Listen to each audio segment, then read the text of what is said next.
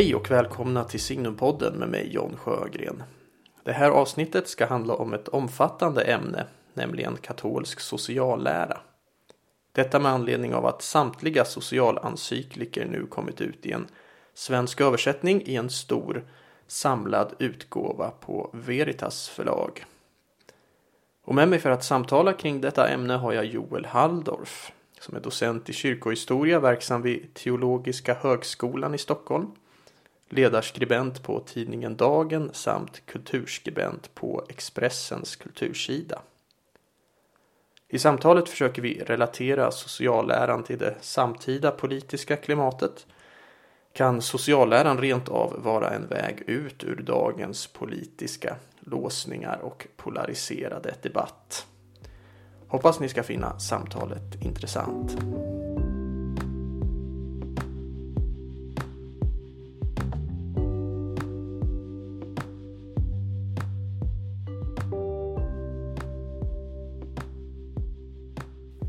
Hej och välkommen till Signumpodden Joel Halldorf. Tack så mycket. Roligt att vara här. Ja, det är väl eh, jag som är gäst hos dig egentligen. Vi sitter i din skrivarstuga här. Ja, precis. Du har fått tillträde till då det allra intimaste rummet i hemmet som ju då är skrivarstugan och inget annat. Där böcker finns och där texter skrivs, är tanken i alla fall. Ja, som eh, skrivande människa så är det liksom, det är som en dröm det här. Tack. Ja, det, ja nej, men jag trivs här, verkligen. Ja, det, är, jag det. det är jag och böckerna och mycket tystnad. Ja. Vi ska prata katolsk sociallära mm. idag. Fantastiskt kul. Ja, det är ju ett ämne som vi båda är intresserade av och vi, vi båda har väl lite den här synen att socialläran är liksom lite en väg ut ur det polariserade debattklimatet eller politiska klimatet idag. Ja, men precis. Det finns ju så många låsningar i dagens svenska debatt och det finns så tydliga läger och man förväntas signa upp för det ena och det andra läget och det finns nästan ingen väg ut. Men för mig så, så har det varit en sån hjälp att ta, ta rygg på, ta stöd och ledning från den katolska socialläran som ju är en mer en, en, tradition som går lite på tvärs med den svenska höger-vänster-skalan och också för den delen den här populära galtanskalan som man också mm. försöker dela med. Så, så jag märker att det orsakar viss förvirring kring mitt eget skrivande att folk är, så här, är en höger eller vänster mm. eller vad är det här nu då? Eh, så, så då säger jag till de som frågar, nej men jag, jag skriver, jag, jag liksom, katolsk sociallära är min, är min politiska kompass. Mm. Så det ska bli kul att försöka reda ut lite vad det här egentligen är för någonting. Mm. Men det var kul att du säger det, för jag vet jag läste någon gång, ena texten så var det så här, den konservativa Joel Halldorf och sen mm. var nästa den liberala teologen Joel Halldorf. Och vänsterkristen här Vä ja, vänsterkristen, det har jag också sett. Också. Ja. Ja, just, ja, just det, det var nog eh, hennes vänsterkristen jag tänkte mm. på. Mm. Det, det, det, det är ändå roligt när det inte är, ska inte vara för enkelt. Nej, nej, precis. Uh, jag tänker bara som en inledning här att jag ska försöka säga någonting lite om vad katolsk sociallära är, alltså vad vi menar när vi pratar om det, för alla känner kanske inte riktigt till vad, vad, vad det faktiskt är. Det har ju kallats för kyrkans bäst bevarade hemlighet. Mm, mm. Uh, jag tänker att det där är en sanning med modifikation, för att socialläran har ändå haft ganska stort inflytande och Vissa av de här encyklikorna har ju fått riktigt stor genomslagskraft. Eh, Patrimin Terris på 60-talet trycktes i New York Times och man hade ett helt eh, FN hade en, en stor samling kring, kring den encyklikan och så. Så det har ju och det har ju haft inflytande på europeisk kristdemokrati och så. Ja, så det, det, har ju haft genomslag. Men ändå så tänker jag att inte alla vet kanske riktigt vad man pratar om när man pratar om katolsk sociallära. Så därför bara säga någonting bakgrund om vad det är vi snackar om här och eh, det man då brukar kalla för katolska socialläran det består ju då helt enkelt utav en rad encyklikor, alltså texter eller skrivelser som de olika påvarna gett ut som berör samhällsfrågor eller politiska frågor på ett eller annat sätt. Och den första kommer då 1891 och heter Rerum Novarum och då är det pove Leo den trettonde som skriver.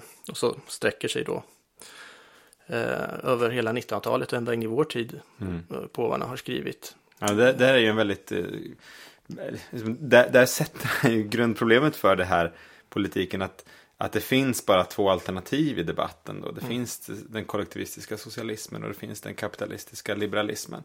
Eh, och hur ska kyrkan orientera? Ska den ta rygg på någon av de här ideologierna? Mm. Ja, men då så vill Leo skriva fram ett alternativ då. Och det, det, det blir verkligen, ja, som du säger, det sätter ju starten för den traditionen så att mm. säga. Och där är det ju, den, den kom 1891 då, så det är ju precis i liksom industrialiseringen har växt fram och eh, den handlar ju då specifikt om arbetarnas situation. Mm. Eh, och det är ju de här två liksom, politiska systemen som står mot varandra, då, kapitalism, socialism. Mm. Och ett sätt att eh, betrakta, eller många har ju betraktat socialläran lite som att det är någon slags medelväg mellan då höger, vänster eh, eller kapitalism, socialism. Det är inte riktigt rätt, men eh, det ligger ju någonting i det om man då går tillbaka till Rerum Novarum så, så är det ju som sagt de här två liksom systemen, kapitalism, socialism, som han förhåller sig till och bejakar ju och säger nej på samma gång till, mm. till aspekter. Precis så. Båda. Kap kapitalismen är ju i sin rena form så, så exploaterar ju verkligen människan och exploaterar arbetaren och gjorde så då och gör så idag, än idag.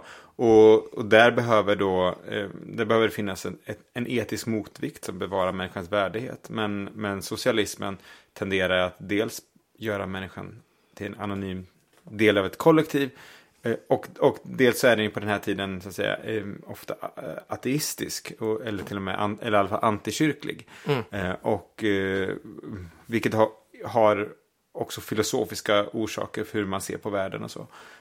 Så då måste man också säga att nej, inte hela vägen där. Mm. Så ja, mellanväg är alltid lite vanskligt att säga att något är, det håller jag med om. Mm. Men det, det, man, man, tar, man tar in aspekter som finns i båda, och man, men man är också kritisk mot båda. Mm. Ja, precis, för Rerum Novarum är ju väldigt stark, alltså a, a, värnar ju verkligen arbetarnas rättigheter och, mm. och eh, liksom pläderar ju starkt för, för fackföreningar, alltså rätten att organisera sig i fackförbund och fackföreningar och liksom skäliga löner och, eh, och allt sånt. Men det säger ju ett starkt nej till liksom den socialistiska lösningen på det här mm. problemet mm. och, och, och liksom väldigt starkt, för, starkt ja för privat ägande mm. eh, och så. Eh, så det finns ju det här, ja, som sagt, mm. säger ja till vissa aspekter och nej till andra. Mm. Eh, men apropå det här tredje väg då, så det finns ett bra eh, citat ur eh, en av encyklikorna som Johannes Paulus den andre skriver. Eh, som eh, eh, kan läsa här, för han ger en slags bild om vad han menar att socialläran är och samtidigt tar han upp det här med är det en tredje väg. Eh, och då skriver Johannes Paulus den andre så här. Kyrkans sociallära är inte någon tredje väg mellan liberal kapitalism och marxistisk kollektivism. Inte heller något alternativ bland andra mindre radikala lösningsförslag. Istället utgör den en egen kategori. Det är inte heller någon ideologi utan snarare en exakt formulering av resultaten av en omsorgsfull reflektion i ljuset av tron och kyrkans tradition över den mänskliga existensens komplexa realiteter såväl i samhället som på det internationella planet. Eh, och så skriver han då att sociallärans viktigaste syfte är att tolka de här realiteterna eh, och pröva hur de stämmer överens eller avviker med eh, de riktlinjer som finns i evangeliet mm. helt enkelt. Mm.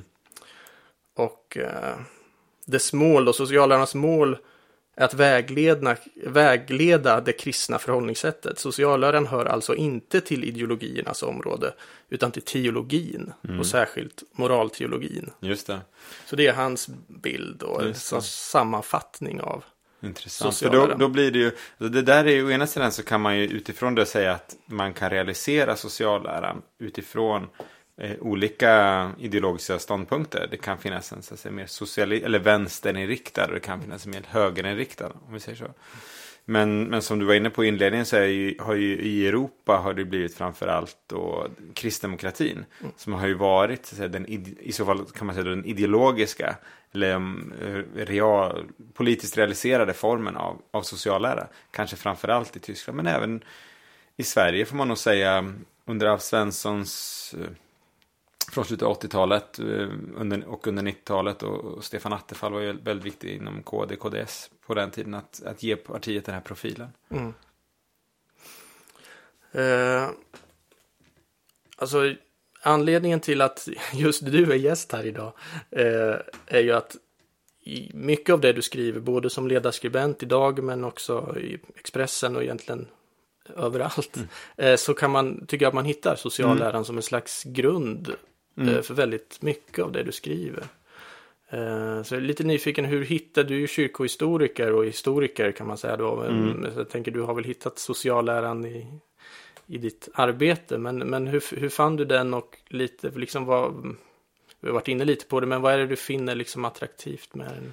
Ja, nej men alltså det är alltid svårt när man ska göra historieskrivningar över sitt eget liv och tänkande, för man ser inte riktigt en sak i början. Men om man säger så här att en viktig sak var i mötet med den postliberala teologin och den kritik av den eh, liberal, liberala traditionen som finns i det, den sekulära liberalismen som finns där.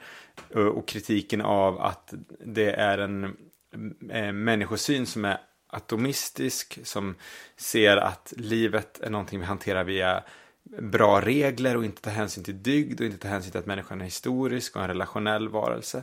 Eh, och när man väl fått upp ögonen för att det här ligger så djupt inbäddat i den liberala traditionen och att den liberala traditionen i den mån den kan övervinna det bara gör det genom att knyta sig till andra, andra eh, traditioner och tankegods. Eh, då ser man det väldigt tydligt. Och, och, efter det så, så börjar väl tydligare liksom ett sökande efter en, ett alternativ då. Och då eh, fann jag eh, socialläran och, och hittade där så mycket. Alltså just eh, det relationella och det, för mig är det då eh, grunden för allting är att eh, handlar om människosyn. Alltså politik mm. tänker jag börjar i människosyn.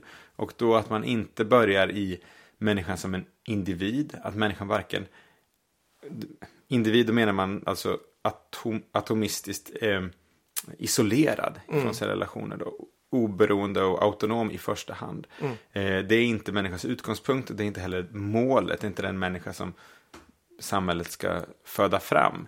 Men människan är heller inte en anonym eh, kugge i ett eh, kollektiv som i den socialistiska eller fascistiska mm. eh, ideologier. Utan människan är en relationsvarelse. Mm. Eh, och, eh, och utifrån det så bör man forma en politik och en, en politisk analys eh, som tar hänsyn till människans plats i gemenskaper, framförallt i små gemenskaper. Så det är min politiska utgångspunkt då kan man säga.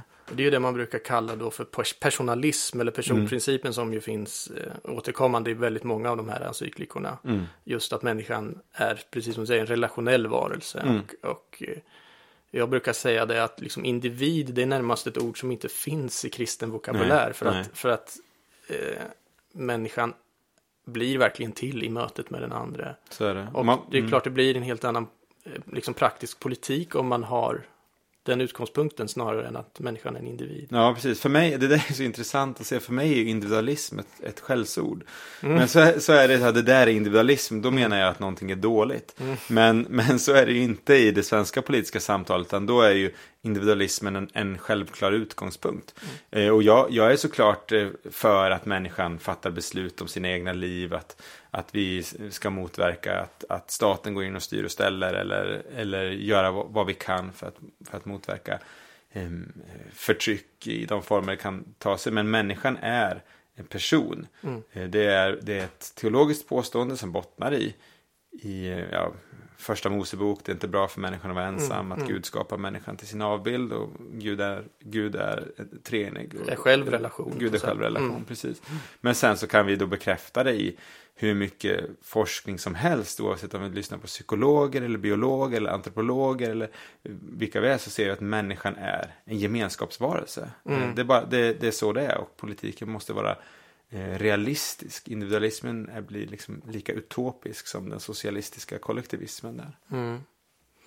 Ja, precis. Det där kan bli en bra brygga till, för jag tänker det finns ju vissa sådana här principer som är grundläggande och som, som på något sätt, om man då säger att eh, nej, men sociallärande är inte en riktig politisk ideologi, men det som utkristalliserar sig ur de här encyklikerna är ju snarare en rad principer som ska mm. vara liksom vägledande för liksom samhällslivet eller för det politiska livet. Mm. Och personprincipen då har vi varit inne på nu, liksom, mm. eller personalism, det är ju en sån princip som, som är grundläggande. Mm. En annan är ju det här som man brukar säga subsidiaritetsprincipen. Precis. Och du var lite inne på det nu här med lokala gemenskaper och så. Ja, det där är ett sånt där ord som, som man som så här filosof, teolog älskar då, men som är så här otroligt hopplöst att kommunicera. Mm. Eh, så här, subsidiaritetsprincipen, vem kan ens säga det? Ja, Eh, nej, det precis. Jag har övat nu för det här.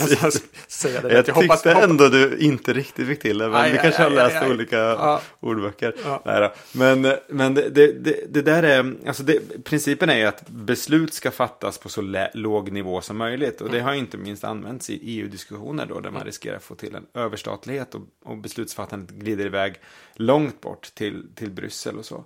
Men man ska se det att det finns ju ett upplyftande av egenmakten eh, i de, från de lokala samhällena sker ju på många sätt. Det sker ju att besluten flyttas från, från regionen eller kommunen till Stockholm. Eh, eller att besluten flyttas från stadsdelar eller mindre samhällen eh, upp på kommunnivå. Eh, Eller att besluten flyttas från, från familj, eh, familjenivå till, till eh, statlig eller policynivå. Mm. Och, så. och att man ska eftersträva att människor eh, fattar beslut om sitt eget liv så, så nära sig de, de kan göra. För att de har bäst förståelse eh, för situationen och vad situationen kräver. Och det har också någonting med värdigheten att göra, alltså Mm. människans värdighet. Det är också en viktig aspekt i katolsk sociallära. Att man är tilltrodd att besluta om sitt eget liv. Och det gör någonting, det vet vi alla som har varit i sådana situationer. Det gör någonting med en gemenskap när man säger eh, ni, är, ni bestämmer själva detta, ni är betrodda, ni fattar beslutet och sen så, sen så gör ni så. Mm. Eh, istället för att man då skickar bara, för då blir det också att vi som människor sitter med, med, med armarna i kors och så ropar vi till liksom, Stockholm eller kommunen eller Bryssel. och Så här, Lös det här nu, Mm. vi har problem här, lös det här. Mm. Eh, istället för att själva ta tag i vår situation. Så, så subsidiariteten är, är väldigt viktig och en väldigt vacker princip tycker jag. Mm. Nej, jag, håller med och jag tror att det finns mycket, alltså. Det finns många aspekter av det och också det här. Det, för den andra stora principen då som ska väga upp subsidiaritetsprincipen, det är ju solidaritetsprincipen. Men jag brukar tänka hur skap, och då är det ju då liksom, absolut de här lokala gemenskaperna värnar dem, men det får aldrig stå emot liksom solidariteten med helheten. Nej, och då, då är det egentligen en global solidaritet som Mm. gäller med liksom alla människor på hela jorden. Ja, precis. Men då också, hur skapar man en sådan solidaritet? Den Mm. kan ju inte, den kan ju liksom inte, bör, den måste börja någonstans. Mm. Och då börjar den ju i det lilla, i det Ja. lokala. Liksom, och första instansen är liksom familjen. Ja, Och sen sprider det sig ut. Det är väldigt svårt att liksom direkt ha solidaritet med det svältande barnet i Afrika. mm, För det är så långt borta. mm, Men jag kan ha solidaritet med dig mm, eh, liksom min medmänniska här i den lilla lokala gemenskapen. Och det är där det börjar liksom. Så Ja. de där två principerna hänger så intimt samman tänker jag. Ja. Att det är i, i den lilla gemenskapen som också den stora solidariteten skapas. Ja, och det där är en viktig princip i den konservativa traditionen från Burke som ju talar om att kärleken börjar i samhällets små pl- plutoner, Mm, så att säga. mm. Little platoons. Eh, Men att den ska inte stanna där, utan den ska kunna utvidgas. Men vad, vad, det, eh, vad det ytterst ha- har att göra med är att kär- kärleken inte är en, en sentimental känsla på abstrakt sätt där man säger jag älskar mänskligheten och Mm. sådana saker. Att kärleken är en dygd. Eh, Och som dygd så måste den övas och det gör den också relationellt. Och man, man alltså, kärlek är att gå den här extra milen för sitt nästa. Mm. Att göra de här uppoffringarna eh, för sin nästa. Och det måste man träna sig och lära sig. Och det gör man i de mellanmänskliga relationerna. Mm. Ehm, idag så, så har vi en, en, en tendens där, där vi tror att vi betalar vår skatt och sen så kan vi strunta i vår medmänniska för vi har Mm. visat hur mycket vi älskar dem. Vi har visat en solidaritet så vi behöver via skattsedeln. Precis, Man har liksom skattesubventionerat sin medmänsklighet på något sätt. Men precis, Ja. och, och det, det blir en genväg. Du, man kommer inte undan så enkelt. Alltså, Mm. Kärleken eh, kräver mer av dig. Den kräver, att, att, den kräver inte bara att ta din liksom, plånbok i anspråk utan också din, din kropp och Mm. hela ditt jag i anspråk. Eh, och där är vi inne på, på, på det relationella. Så jag tycker det är en bra, en bra idé. För det är ju som du säger, solidaritet och subsidiaritet. Det finns ett, en spänning där i Mm. vissa konkreta frågor, vilken man ska betona eller hur de, hur de ska förenas. Och det som socialaren tycker jag gör så bra och, och gör starkt är att den säger att båda två gäller lika mycket Mm. hela tiden. Att det inte är ett nollsummespel med de där att nu betonar vi det här lite mer, solidariteten lite mer och Mm. subsidiariteten går tillbaks. Alltså, utan båda två gäller 100% lika mycket Mm. hela tiden. Och det är också så att lokala gemenskaper Eh, ska man ju, de är inte heller himmelen på jorden. De kan ju också korrumperas och, och, och, och, och så. Och det, och det kan man ju märka, alltså det finns ett intressant exempel på detta. Det är eh, i den amerikanska historien med, med den svåra segregationen i den amerikanska södern. Eh, då hade man hävdat så här strikt subsidiaritetsprincip då. Då hade ju staten inte eh, gått in och öppnat de skolorna och så. Men där var det, där så sa man att här har de här, här har rasismen eh, korrumperat de här eh, gemenskaperna. Och eh, det är moraliskt legitimt att staten griper in och försöker åstadkomma en förändring där. Så, så det, och det, då gör man precis den här eh, avvägningen. Nu tror inte jag att det var katolsk sociallärare som guidade Lyndon B. Johnson och så vidare. Va? Men, Nej. men det skulle kunnat eh, ha varit det. Mm. Jag tänker också på det här med mm, det här du sa tidigare, liksom att människan är en person och blir till i, i gemenskap och i relation med andra. Att det är också någonting som verkligen värnas i, i den lilla lokala gemenskapen. Och du var inne på det här liksom psykologiska också, att vi, vi är ju skapade Mm. för, för liksom relationer. Och jag tänker också, eh, ja, precis som det, det här du sa, att, att eh, liksom vi, vi, vi tänker att vi betalar skatt och så behöver vi inte eh, ta hand om vår nästa. Mm. Men den här bristen på lokala gemenskaper gör ju också att vi blir väldigt ensamma Ja. när livet är svårt. Ja. Och jag, eh, jag och min fru har pratat en hel del om det här. Hon, hon har jobbat mycket i, eh, inom psykiatrin och sådär. Och liksom med psykisk ohälsa och så här. Och eh, eh, det som vi liksom har pratat om där det är att det var, varje egentligen normalt problem Mm. eller så, svårighet i livet Mm. blir till psykisk ohälsa.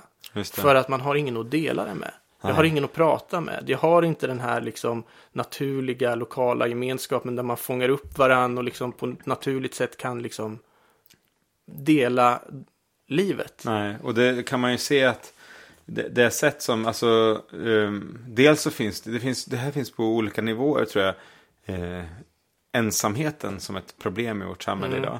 Dels så finns det människor som känner, jag har inga vänner. Eh, och, och, och, och inte har någon att vända sig med eller att dela sina problem med.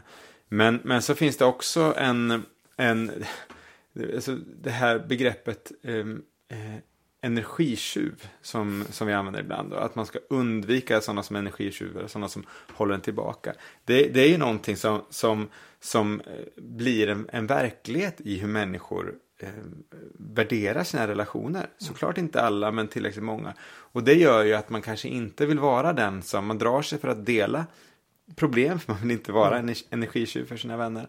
Och, så. och, och, och folk eh, håller lite avstånd till det, riskerar börja hålla lite avstånd till det när, när det krackelerar på olika sätt. Eh, och och, och vi, vi har inte riktigt det, det tålamod som vi kanske skulle behöva ha med varandra när vi går igenom sådana här svåra saker.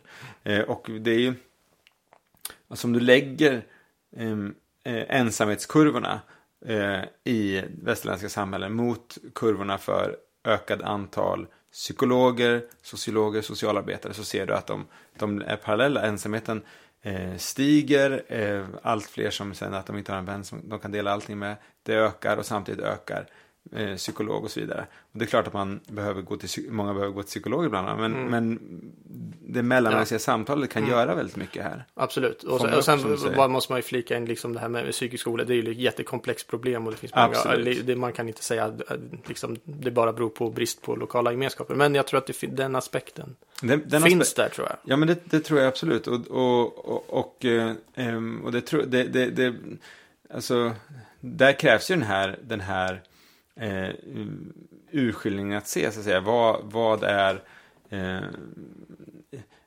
vad, vad är en, en psykisk ohälsa som behöver professionell hjälp? Eh, och vad är någonting som, som kan, så att säga, som hör till det naturliga, svåra med att vara människa. Mm. Och som är någonting som vi hela tiden behöver stöta och blöta och brottas med i våra gemenskaper och med våra vänner. Mm. Eh, och den, där, där, där ser man att mycket, så att säga, mycket professionaliseras i vår tid. Så som, eh, och det ser vi på många områden. Det här är bara ett av dem. Mm. Men där tänker jag verkligen att eh, som, som eh, kristen gemenskap, som församling, Mm. att det är verkligen en sån liksom, gemenskap där man verkligen borde odla detta att, att vara svaga tillsammans. Precis. Att, att liksom våga verkligen dela det här som är jobbigt också. Mm. Och att vara jag minns vår kyrkoherde i vår församling eh, höll en gång en predikan som ungefär gick ut på liksom våga vara svaga. Ja. Våga, våga liksom dela det som är hemskt liksom. Ja. Sluta vara perfekt. Ja. Och det där märker man, för, för det är inte alltid så församlingarna uppfattas, av, inte heller av de som lever i dem. Utan det kan uppfattas som en ganska präktig gemenskap där alla är hela och rena och där det inte finns så många problem eller man sopar dem under ytan och sådär. Och Jag minns en pastor som var så bedrövad när en församlingsmedlem kom och sa, bad om ursäkt, jag har inte varit i kyrkan på ett tag, jag har haft så jobbigt så jag har inte orkat. Då känner Ja, jag, vad är vi för en gemenskap då Ja, när, vi, när, vi, när vi sänder de signalerna? Mm. Det här handlar ju om, om kultur som skapas det är, det är alltid komplext hur kultur skapas, men det första man bör göra är väl som din kyrkoherde gjorde, att försöka adressera det. Mm. Men ännu mer ska man nog, eh, behöver man nog försöka visa det. Alltså så här, eh, liksom gå före i att, Mm. i att dela sin svaghet. Sen så behöver ju församlingar också, tror jag, också församlingar ofta brytas ner i mindre gemenskaper. Mm. Alltså konventiken, den lilla samlingen. Absolut. Man kan sitta, samlas runt ett bord, för det är där ett sånt delande ofta eh, blir bäst och möjligt, passar sig. Mm. Eh, jag tänker också på en, eh, en annan sak som man kan säga att du ofta återvänder till i dina texter är ju att eh, reta liberaler. Ja, just det. Eh, eller i alla fall kan man säga peta lite på liberalismens ömma punkter. Mm. Eller dess liksom lite svagheter eller Mm. otillräcklighet kan man Mm. säga. Om jag ställer frågan så här till dig. Vad, vad har dagens liberalism att lära av katolsk sociallära? Ja, mycket. Eh, men, men min grundkritik mot liberalismen är ju att det, det, eh, liberalismen gör, vill ge människan frihet, men inte berätta för människan vad hon ska göra med sin frihet. Mm. Och, eh, och det här är, är, liberalismen kan bli väldigt, väldigt kraftfull när den sås in i kulturer där det finns förtryck då. Oavsett om det är Östeuropa eller Iran eller totalitära där det finns totalitära regimer då, Östeuropa under kommunisttiden. Men sen när friheten är på plats då så, så tappar de här, förlorar de här rörelserna sitt momentum. De, de tappar fart. För det, det finns ingenting att samlas kring. Eh, och det sker ett, ett, en fragmentisering. Eh, och det kan man, det kan man se eh, ganska mycket i, vårt, i, i de västerländska samhällena också. Att det blir en, en vilsenhet. Eh, och då säger Liberalerna att ja, men det var och en ska få, ska få göra det här själva och, och så. Men, men likväl så ett samhälle så tror jag eh, behöver ha eh, kan inte vara totalt nihilistiskt. Eh, utan det har alltid funnits eh, gemen, gemensamma idéer om vad som är ett gott och värdigt liv i samhällen. Och i den västerländska, i, väst har de kommit ur den judeokristna traditionen. Och liberalismen har liksom ehm, eh, lutat sig mot, om man vill vara snäll, parasiterat, om man vill vara lite mer eh, spetsig, på, på de här traditionerna. Och, och, och, och, för den kan inte producera egna värden i, utöver att frihet är bra. Eh, och då kommer det att bli ett projekt som eh, ägnar sig åt att allt mer eh, urholka det goda. Och det ser vi när man kommer liksom krav på att man ska öppna för dödshjälp, att man ska avkriminalisera eh, eh, allt och det blir en helt, eh, eh helt kompasslös frihet. Eh, och vi ser också att den slår då över i en motreaktion i samhället som drar åt det fascistis fascistiska, som kräver total ordning. Eh, men so socialläran säger att samhället ska orienteras mot det goda. Man ska inte tvinga det goda på människor med, med, med våld, men samhället ska orienteras politiskt mot det goda. Eh, och det, det är någonting som, som många borde, fler borde ta på allvar. Mm. Ja, men det finns ju ändå, om man, nyliberalismen är, kan ju verkligen vara så, alltså att det, där blir det ju närmast någon slags nihilism nästan, Mm. för man tänker sig att ja, men vi vill bara liksom mer, mer marknadsekonomi och liksom mer frihet och det, det, då, och det räcker Mm. på något sätt. Mm. Men jag tycker det är så uppenbart att det inte gör det. Nej, det gör inte det. det, det, det och, och, och, och, och där lånar liberalismen av, av andra traditioner, men den förmår inte att, att säga mycket mer än att varje individ ska vara fri och man ska inte skada någon annan. Skademinimeringsprincipen, så, som, som många hänvisar till. Men jag hävdar, jag hävdar inte, jag debatterade det här med Ida Ölmedal på Sydsvenskan som hänvisar till det. Och jag hävdar att det inte räcker skademinimeringsprincipen för en etik som inte kan skilja på eh, Moder Teresa och, och en eh, liksom 17-åring som spelar tv-spel hela Mm. veckan. Den liksom ing, som inte kan säga varför det ena är bättre än det andra. Den etiken är inget att hålla i handen. Då, så att säga. Nej. Och eh, friheten kan ju aldrig, liksom, tänker jag, vara det högsta värdet heller. Eller det högsta goda. När man sätter friheten som det högsta goda så, så hamnar man i någon slags återvändsgränd. Eller för att vad, vad ska du ha din frihet till? Att Det, det är existentiellt otillfredsställande. En människa kan inte leva bara på, på autonomi utan måste ha någonting att rikta sitt liv emot.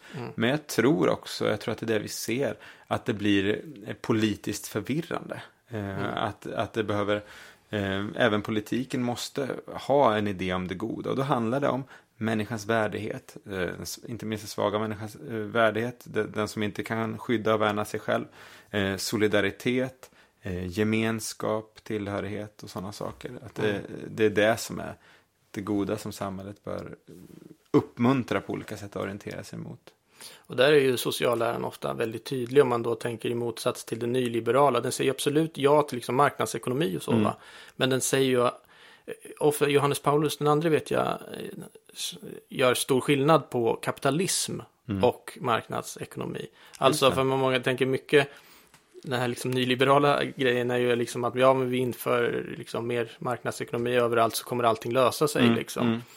Men det, det säger ju Johannes Paulus tydligt att nej men så, så funkar det inte utan eh, ren, om man bara släpper det helt fritt då blir det liksom tygellös kapitalism som kommer utnyttja människor. Mm. Eh, och så han pratar då hellre om fri ekonomi eller marknadsekonomi som är omgärdad utav någon slags liksom moral. Ja, Och som han till och med säger måste ha en etisk och religiös kärna. ja.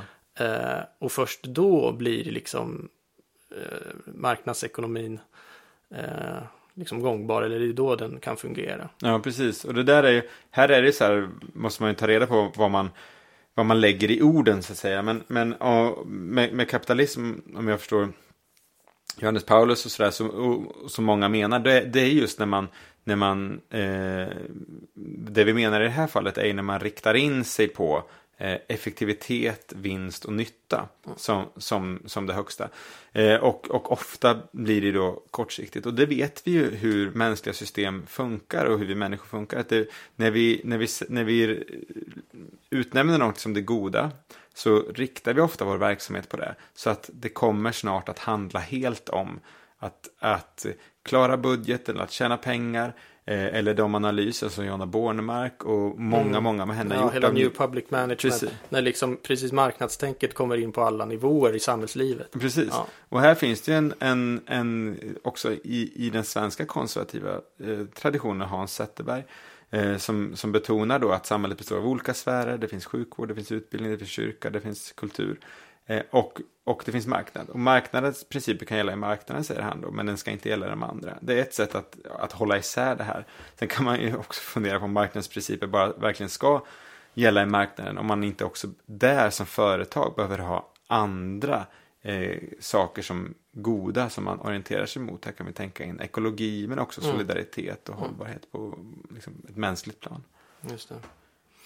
det har ju funnits vissa försök då att, att göra konkret politik av det här av, av socialläran och jag tänker på alltså just när man är inne på det här kapitalism, socialism och sådär så för mig är grundkritiken av egentligen både tygellös kapitalism eller så och, och socialism är i grunden samma sak. Och det är att makt och pengar koncentreras Mm. till få personer. Ja. Eller till, något, till, till ett visst ställe. Alltså socialism då är det liksom till staten. Är det tygellös kapitalism då, då blir koncentreras allting till några få aktieägare. Det är ju det vi liksom Mm. ser idag det här med vad är det nu, liksom 5% av de rikaste äger 90% av Mm. jordens resurser. Mm. Och det är ju liksom, det är så uppenbart att det inte är ett hållbart Nej. system och, och djupt orättvist. Ja. Så grundprincipen som, som man då kan läsa ut av sociala är att man borde egentligen mer sprida ut det Ja. i samhället. Och det är ju det är ju den lokala tanken också. Va? Mm. Eh, och det finns det ju vissa det, som har liksom försökt göra någon slags praktisk politik av det. Då förknippar man ju med de här brittiska herrar som Chesterton. Och, Ja, det är distributivism. Ännu svårare. Ja, än ännu svårare. Ja, jo, men, ja, precis. Ja. Di- Distributism då på engelska. Något sånt där. Ja, Det tror jag, det tror jag. Jag tycker att den... det är en god princip. Ja, verkligen. Det, det är verkligen någonting som är en del i det här eft- eftersträvansvärt. Att, att vad gör man konkret då? Man bör gynna en typ av, man bör gynna ägande och företagande som inte centraliserar. Utan som är lokalt förankrat, som är relationellt uppbyggt. Kooperativ, familjeägda företag, alltså olika typer av sådana eh, företag. Man bör också i samhället eh, gynna en mer vi behöver fler aktör, aktörer än både, bara stat och marknad. Vi behöver eh, ha, ha ehm, verksamheter som drivs, eh, eh, som är värderingsdrivna. Eh, kyrkor, synagogar, moskéer, men också eh, eh, andra typer av värdedrivna organisationer är, är bra för vårt samhälle. För då får vi, då får vi så tydligt eh, andra värderingar representerade, inte bara som en abstrakt värdegrund som samhället på något sätt ska tycka är bra, utan som får praktiseras och organiseras fram och det får byggas institutioner kring det. Eh, men, men dit går vi ju inte som samhälle, utan vi går ju ännu mer mot att koncentrera all makt, alla resurser eh, hos, hos staten och, och hos eh, mark, i, liksom central, centraliserade företag. Mm. Jag tänker vi, pratar lite om, om liberalismen här och så, men man kan ju prata om en annan liksom stor rörelse i, i europeiska politiska livet. Det är ju den liksom framväxande nationalismen Mm. och liksom, om- jag vet inte vad man ska kalla den, extremkonservativa nationalismen som vi ser Mm. i många länder och hur man ska relatera den till, till socialen. Och jag tänker att den, att den har växt fram har ju kanske med att liksom de här två grundprinciperna, subsidiaritet och, och solidaritet, Mm. att man inte har fått dem i balans på något sätt. Ja. För att vad är det den reagerar emot nationalismen? Det är ju mycket det här eh, liksom att det lokala har eh, liksom glöms bort lite grann. Mm. Den nationella identiteten och sådär för någon slags överstatlighet och makten flyttar längre bort och man Mm. känner jag har inte någon kontroll över mitt eget liv och, eh, och då blir svaret på det liksom nationen som Mm. gemenskap istället. Mm. Eh, så att det är liksom en anledning till att det växt fram. Men resultatet av det blir ju då en total brist på solidaritet istället. Ja. Att, ja, men då stänger vi våra gränser och, och eh, kan absolut inte ta emot liksom, eh, flyktingar. Och, eh, Mm. Ja, men hur tänker där- du kring Nej, men nationen kan man, man kan ju börja med att konstatera att nationen är å ena sidan ett väldigt framgångsrikt eh, ramverk för, för mycket av det som vi förknippar med modernitetens framgångar, stabila demokratier och sådana saker. Ja, hur stabila de nu har varit, men ändå Mm. relativt sett i efterkrigstid. Ehm, och, och, och välfärdsstaten som har vuxit fram i de nordiska länderna har också gjort eh, med den här balansen mellan med, eh, med att vi blir många men vi blir inte oändligt många på något sätt. Det finns någon, någon slags medelpunkt där då. Eh, samtidigt så, så har nationen väldigt, eh, sitter inte så bekvämt i, i den kristna traditionen. Det är någonting som växer fram egentligen först med, med reformationen och när kyrkan, den lutherska kyrkan knyter sig till nationalstaterna och det är ju en, en historia som är, är väldigt förskräckande på många sätt. Eh, vi behöver inte gå in på, på alla detaljer där men vad det innebär för kyrkans underkastande under staten och så som är ett stort, stort problem också i Sverige och för Svenska kyrkan. Eh, men, men, men i, i, i kristendomen så, så, så, så är ju eh, så, så, eh, den lokala gemenskapen är ju den som så att säga ger de här, ska man säga, eh, existentiella eh, och etiska och de här goda sakerna som vi har talat om. Det är i, i, den, en, i den mer begränsade, begränsade staten. Nationen kan inte ta den lokala gemenskapens plats. Eh, och ett av problemen, det finns många problem i den, eh, den globala nationalismen, det är att man, att man tror att det räcker med den här abstrakta gemenskapen och att man sätter den här gemenskapen mot alla andra. Mm. Eh, allt ifrån America First och till liksom mm. exklu ex exklusivism på andra områden. Eh, och man kommer att bli gruvligt besviken för mm. nationen och nationell gemenskap botar ingen ensamhet och nationell gemenskap ger inte den här känslan av identitet och trygghet eller rötter eller sådana saker utan det, det når man på, på andra band. Det betyder inte att nationen är, är oviktig Eh, eller så, och den har kanske blivit styvmoderligt behandlad. Mm. Men, men eh, det ska jag säga, katolsk sociallära är ju inte eh, nationalistisk, den är ju snarare kommunitaristisk. Mm. För att använda ytterligare lite mm. tungvrikare ord. Mm. det är många sådana. Ja. ja. Nej, men precis. Uh, jag tänker nu, vi pratar ju ganska mycket om principer här. Det är ju mm. som, som vi sa, det är ju inte någon riktig eh, liksom, realpolitisk ideologi, liksom socialläran. Men om man ändå ska... Det, det blir ju ändå abstrakt om, man, mm. om man bara rör, rör sig på den nivån. Frågan är ju ändå okej, okay, hur översätter man det här rent praktiskt? Mm. Jag tyckte det var lite roligt, Göran Greider mm. Eh, skrev på sin Facebook-sida för, för en tid sedan om katolska socialläran. Mm. Eh, och han är ju liksom klassisk socialist får man väl kalla honom. Mm. Och han hade ju mycket gott att säga om socialläran och det här mm. som, som liksom socialister kan attraheras av. Liksom arbetarnas rättigheter, fackföreningar, allt det där. Mm. Men hans invändning var ju liksom rent praktiskt. Att om man mm. pra praktiserar det här så blir det inte bra. Och det var, det var mycket kring liksom kvinnans frigörelse och sådär. Att man sätter familjen så mycket i centrum. Men också liksom att, att och, det, och det här värnandet av det lokala, alltså det, det försvårar skapandet av en fungerande välfärdsstat och sådär. Så han säger, ja visst, eh, en hel del bra, va, men i praktiken så, så, så blir det ändå fel. Det är ju hans socialist, liksom utifrån hans socialistiska synvinkel också. Mm. Men eh, jag tänker att vi så här, avslutningsvis ändå vill fråga dig om, om om man skulle göra praktik av detta. Mm. Har du någon idé, liksom, hur skulle det se ut om man sätter de här principerna, liksom subsidiaritetsprincipen, solidaritet, personprincipen, om man låter det ändå bli någon slags praktisk politik? Mm. Hur skulle det se ut? Ja, får jag säga en sak eh, som ett litet inskott Absolut. innan det? Och det är just det här, för, för att katolska socialläran eh, och jag själv som skribent märker associeras rätt mycket med höger och konservativ och sådana saker. Och det har, det har delvis att göra med att här, i den konservativa traditionen så finns det vissa affiniteter, det finns vissa liknande saker att knyta an till förståelsen hos Burke, inte minst med de små gemenskaperna. Så. Men det finns internationellt, eh, i, i brittisk vänsterpolitik finns det en stark tradition av en mer kommunitaristisk vänster. Mm. Med John Ruskin och, och de här figurerna.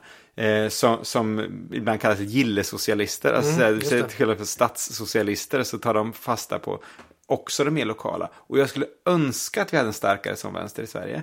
Mm. Jag, har in, jag, skulle, jag, jag skulle gärna eh, samverka och, och, på olika sätt eh, uppmuntra. Och jag har skrivit positivt om Daniel Suonen och hans Reformisternas projekt som jag tycker har en del sådana här tendenser. Jag tycker Göran Greider är en person som, som, som har en förståelse för det här. Mm. Som inte bara vill gå via staten som socialdemokratin, svensk socialdemokrati hela tiden gör då. Staten är lösningen på allting, regleringar är lösningen på allting. Eh, och jag tycker att eh, det finns hos Ulf Bjäreld eh, mm. en sån här förståelse. Och också ofta mer i Vänsterpartiet än i, i Socialdemokraterna. Mm. Eh, så jag vill bara ha det sagt, jag vill ja, ha det på ja. band.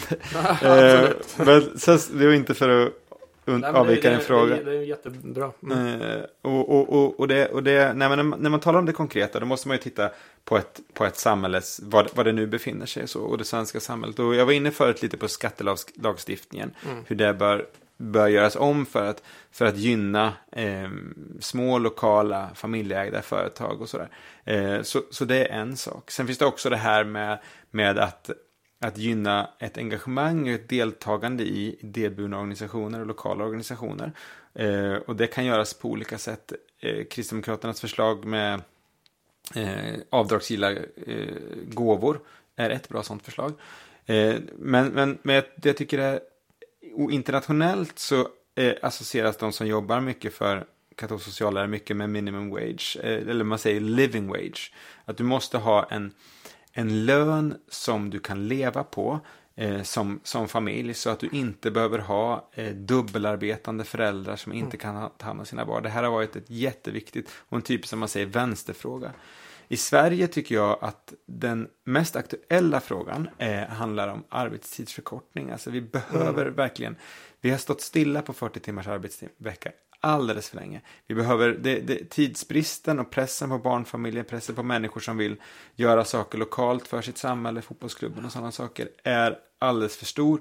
Eh, och vi skulle behöva få sätt, kanske inte genom lagstiftning, men bygga in en mycket starkare incitamentstruktur eh, med gäller eh, där vi ger kanske fördelar om man tar ut sin arbetstid som, alltså skattemässiga fördelar om man tar ut, tar ut eh, som ledighet istället för, eller som förkortad arbetstid istället för löneförhöjning. Att man, att man kan få, få på sin arbetstid som en form av eh, utveckling, lägga två timmar på att träna det lokala fotbollslaget och sådana saker. Alltså, mm. Olika sådana kreativa lösningar så vi kan komma ifrån den här liksom, 40 eh, timmars normen som vi har som samhälle. Det, mm. nej, men så det, det, så den skattelagstiftningen, eh, arbetstidsförkortning. Sen så finns ju såklart hela den ekologiska frågan och det är den senaste tydliga utveckling i, utvecklingen i katolsk sociallära ja. med Laudato Si och lovad vare du. Det är den senaste encyklikan men som precis, man räknar till socialläran också, kom 2015. Just det, ja. precis, där man inkorporerar hela det ekologiska. Och den är ju väldigt läsvärd, den finns ju ute på svenska nu, en fin liten pocket Eh, som heter om klimathot och ojämlik, ojämlikhet. En väldigt välfunnen titel ju. Mm. Eh, som förenar de här. Och den är ju full av allt ifrån liksom människans natur och skapelsen och solidaritet. Och sen väldigt konkreta förslag om stadsplanering och eh, hur, saker och ting bör läggas upp. Och, att, eh, och hur den internationella kapital, storkapitalismen behöver regleras och ta mm. ansvar för sina, utsläpps, sina utsläpp och sin nedsmutsning. Och det är ju såklart en framtidsfråga som, som är, är otroligt viktig Eh, den adressera. stora överhängande frågan. Ja, men precis så. Och den eh, encykeln är ju väldigt grundligt researchad också. Så mm. den är ju, det är mycket liksom, grundlig forskning som ligger bakom. Mm. Och vi kan väl säga det att det nu har kommit på Veritas förlag? Precis, jag tänkte liksom avslutningsvis göra ja. det här. Eh, det kommer en enda stor maffig utgåva då med samtliga socialencyklika från Rerum Novarum till Laudato Si som är en svensk i svensk översättning. Och den är också försedd med väldigt bra förord och introduktioner till varje encyklika. Så att eh, ni som är intresserade av detta, eh, ni ska Även om man inte tror så intresserad, det är ett storverk och det ja. är en så viktig dokumentation så den tycker jag att alla, alla bör skaffa den. Alla ska ha den. Ja, ja, precis. Den bör finnas i varje bokhylla. I varje svenskt hem. Verkligen. Mm. Uh, ja, men tack Joel Halldorf för att du gästade Signumpodden att vi fick komma hit. Tack för att jag fick vara med. Och eh, tack alla ni som har lyssnat och eh, vi hörs igen i nästa avsnitt. Hej så länge.